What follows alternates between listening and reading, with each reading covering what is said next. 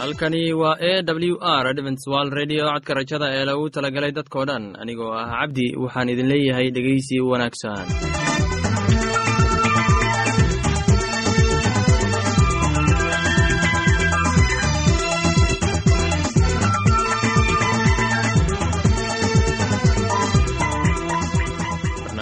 maanta waa laba qaybood. Qaybta koowaad waxaad ku maqli doontaan barnaamijka caafimaadka. Kadib waxaa inoo raaci doonaa cashar inaga imid bogga nolosha. Barnaamijyadeena maanta si wanaagsan u dhegeysan doontaan haddii aad qabto wax su'aal ama tala. Iyo tusaale fadlan inala soo xiriir dib ayaynu kaga sheegi doonaa ciwaankayagu balse intaynan u guudagelin barnaamijyadeena xiisaa leh waxaad marka hore ku soo dhowaataan. Heestan daabacsan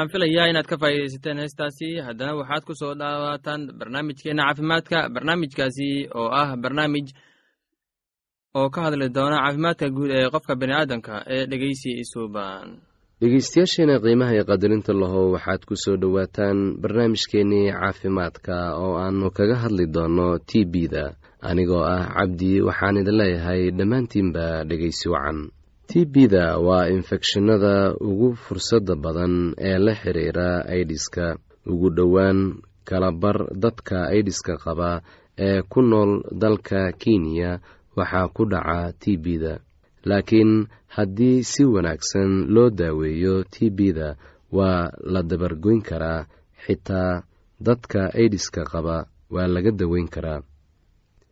Cudurka t b-da waxaa laga qaadaa marka uu qofka qabaa uu ku qufacayo ama uu ku neefsanayo wuxuuna ka dhashaa bakteriyada la yidhaahdo mycobacterium tuberculosis. Inkastoo ay jirto bakteriya kale oo la yidhaahdo basili oo iyana dhalisa t b-da t b-da waxay qofka caafimaadka qabaa u soo gudubtaa marka qofka buka uu ku neebsado ama uu ku ag qufacayo. Haddaba waxaa loo baahan yahay in lagu dhiirigeliyo qofka buka in uusan ku ag quficin ama uusan xaaqo ku tufin dhulka. Waa in mar walba uu isticmaalaa masar ama safaleti marka uu qufacayo candhuuftana uu ku rido dhalo ama weel dabool leh kadibna la gubo oo god lagu shubo. Isla markaana waa in la aasaa. Infekshanka wuxuu qofka ku dhacaa marka uu qaato hawo la socoto bakteriyada basiliska la yidhaahdo oo tagta sambabada.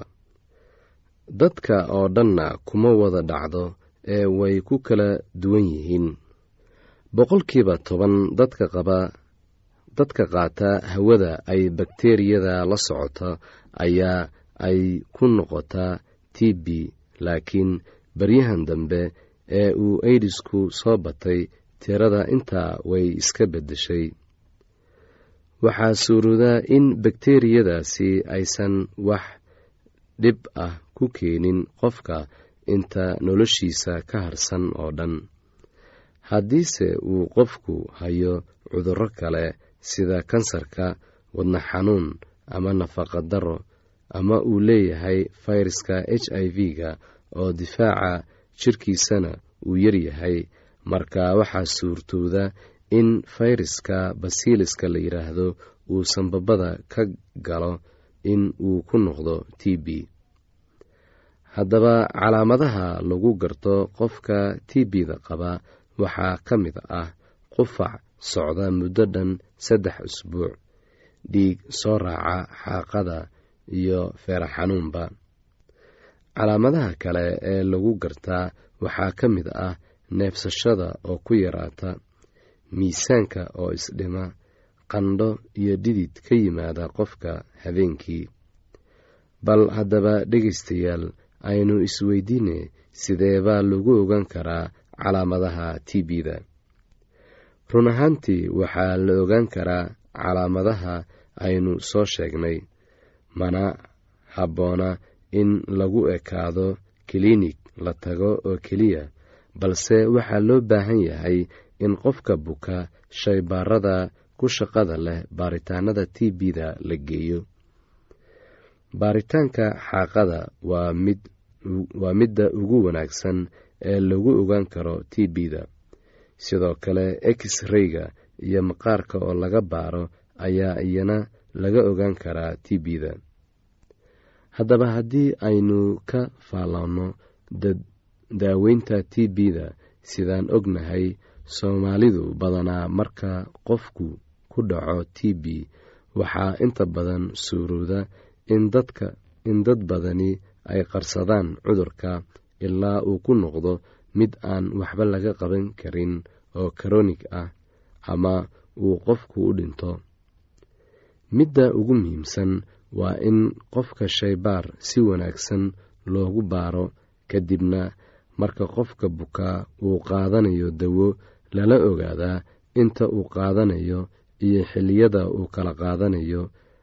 Hawsha waxaa badanaa qabta kalkaaliyaasha caafimaadka ama qof ehel u ah kan jiran islamarkaana waa in si taxadir leh loo hubiyaa sida loo kala qaadanayo dawada iyo xilliyada la qaadanayo.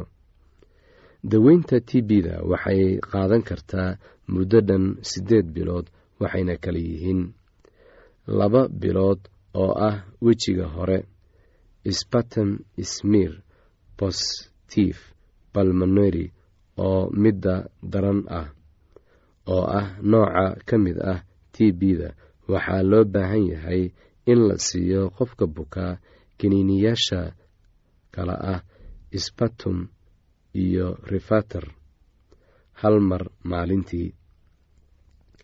T b-da aan sii weyneyn ee la yidhaahdo spatum smir negative. An extra balmoneri tuberculosis. Waxaa dadka dadka waaweyn la siin karaa kaniinka rifeterka ah hal mar maalintii. Caruurtana waxaa la siin karaa kaniinka rifeterka hal mar maalintii. Wejiga labaad ee dawada laba bilood kadib dadka waaweyn waxay u baahan yihiin in la siiyo kaniin la yidhaahdo itiside hal mar maalintii maalin kasta muddo dhan lix bilood. Caruurtana waxaa la siin karaa kaniin la yidhaahdo rifina. Hal mar maalin kasta muddo dhan afar bilood.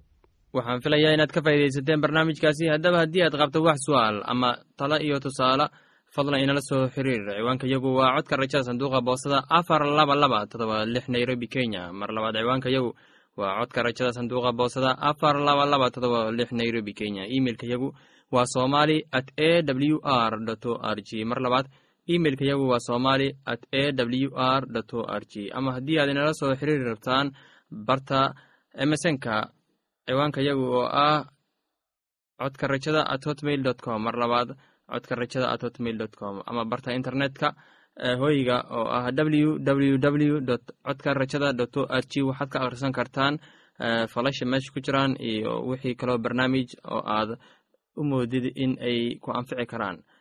Haddana waxaad ku soo dhowaataan heestan daabacsan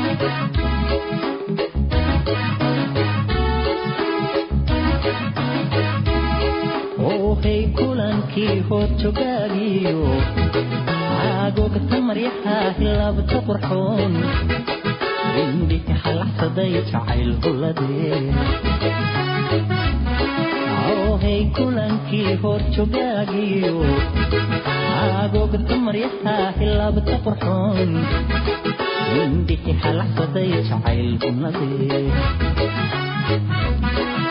xanaanka wanaagsan hadalkaagiyo habkabuu dhaqaqday baan ka helo ku soo hirtayo mabanaxanaanka wanaagsan hadalkaagiyo habkabuu dhaqaqday baan ka helo ku soo hirtayo mabanakanine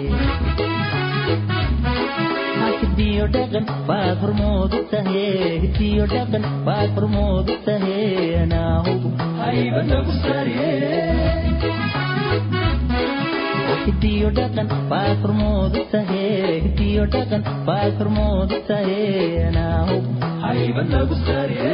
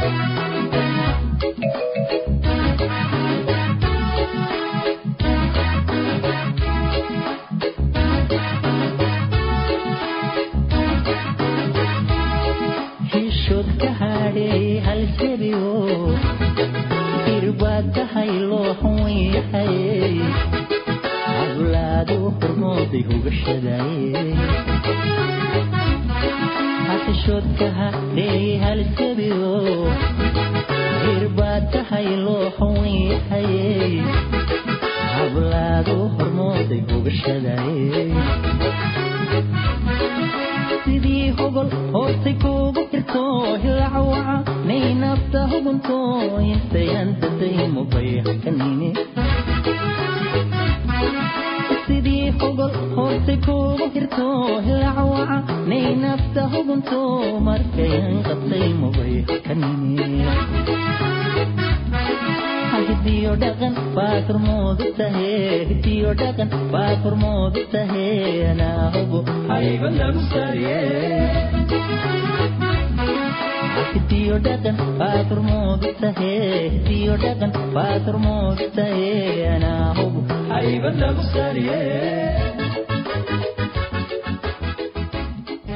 waxaan filayaa inaad ka faa'iidaysateen heestaasi haddana waxaad ku soo dhowaataan barnaamijkeenna kitaabka quduuska. Barnaamijkaasi waa barnaamij ee ku saabsan ereyada xikmada badan oo aan ka soo xulanay kitaabka quduuska ee dhegeysi wanaagsan.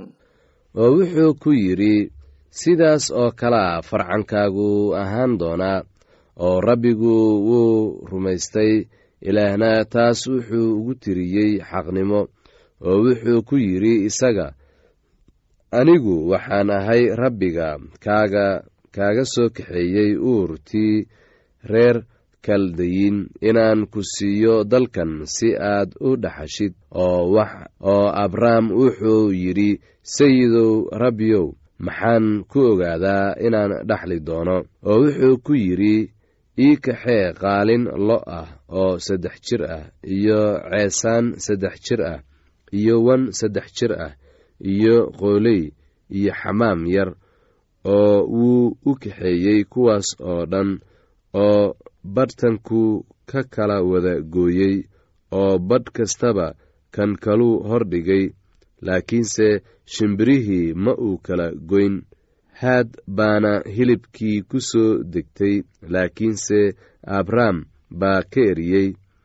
Oo kolkii qoraxdu sii dhacaysay ayuu hurdo aad u weyn abrahm ku soo dhacday. Oo bal eeg cabsi gudcur weyn leh baa ku soo degtay. Markaasuu wuxuu ku yidhi abrahm ogow in hubaal farcankaagu ay dad qalaad ku ahaan doonaan dal aan kooda ahayn oo ay u adeegi doonaan oo afar boqol oo sannadood waa la dhibi doonaa oo weliba quruntaas ay u adeegi doonaan xukun baan ku ridi doonaa oo dabadeedna way ka soo bixi doonaan iyagoo xoolo badan wata. Laakiinse adigu nabad baad ugu tegi doontaa awoowayaasha oo waxaa lagu xabaali doonaa adigoo cimri dheer gaaray oo iyagu qarni afraad halkan bay ku soo noqon doonaan. Waayo dembigii reer amoor weli ma dhamma oo waxay noqotay markii qoraxdii dhacday oo ay ahayd gudcur in girgire qiiqaya iyo dab ololaya ay dhex mareen caddadkii. Maalintaas rabbigu abrahm buu axdii la dhigtay isagoo leh farcankaagan siin dhulkan oo laga bilaabo webi masar ilaa webi weyn oo ah webi yufraad reer qayn iyo reer kenas iyo reer kadmon iyo reer xeed iyo reer feris iyo reer refaim iyo reer amoor iyo reer kancaan iyo reer girgaash iyo reer yebuus. Saaray oo ahayd abrahm naagtiisii carruur uma ay dhalin isagii waxayna lahayd gabadh midiidin ah oo misriyad ah magaceedana waxaa la odhan jiray xagaar saaray waxay abrahm ku tiri bal eeg iminka rabbigu waa ii diiday inaan dhalo. Haddaba waxaan kaa baryayaa inaad midiidintayda u tagto mindhaayadan carruur ka heli doonaaye abrahamna codkii saaray buu maqlay. Saaray oo ahayd naagtii abraham waxay kaxaysay haagaar tii masriyadda ahayd oo midiidinteeda ahayd markii abraham toban sannadood joogay dalkii kancaan kadib oo waxay iyadii siisay ninkeedii abraham inay naagtiisa u noqoto oo hagaar buu u tegey wayna uuraysatay oo markay aragtay inay uuraysatay ayay murwadeedii aad u quudhsatay oo saaray waxay abraham ku tiri dulmigii laygu sameeyey dushaada ha ahaado midiidintaydii waxaan geliyey laabtaada oo markay aragtay inay urursatay ayay iquursatay rabbigu aniga iyo adiga ha ina kala xukumo. Laakiinse abraham wuxuu ku yidhi saaray bal eeg midiidintaadii gacantaaday ku jirtaaye waxaad doonto ku samee.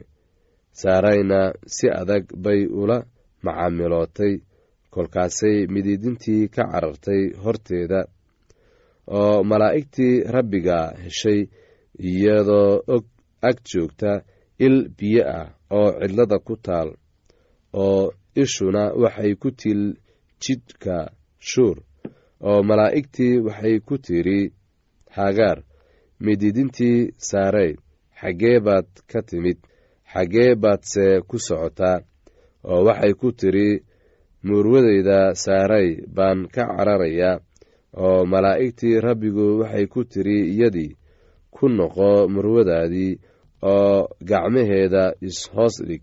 Oo malaa'igtii rabbigu waxay ku tidhi iyada farcankaaga aad baan u tarmin doonaa si aan loo tirin karin farabadnaantiisa aawadeed casharkaasi inaga yimid bugga nolosha ayaynu ku soo gogobeyneynaa barnaamijyadeena maanta. Halkaad inagala socotaan waa laanta afka soomaaliga ee codka rajada ee loogu talagalay dadkao dhan.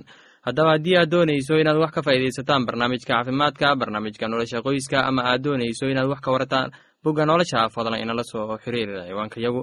Waa codka rajada sanduuqa boosada afar laba laba todoba lix nairobi kenya. Mar labaad ciwaanka yagu waa codka rajada sanduuqa boosada afar laba laba todoba lix nairobi kenya. Imeilka yagu waa somali at a w r o r j mar labaad imeilka yagu waa somali at a w r o r j haddii aad doonayso inaad inagala sheekaysataan barta emesonka ciwaanka yagu oo ah codka rajada oo hal eray ah codka rajada at hotmail dot com ama barta hoyga internetka ciwaanka yagu oo ah w w dot codka rajada dot o r g dhegeystayaasheenna qiimaha iyo qadarinta mudanow barnaamijyadeena maanta waa naga intaas. Tan iyo intaynu hawada dib ugu kulmayno waxaan idin leeyahay sidaas iyo nabadgeliyo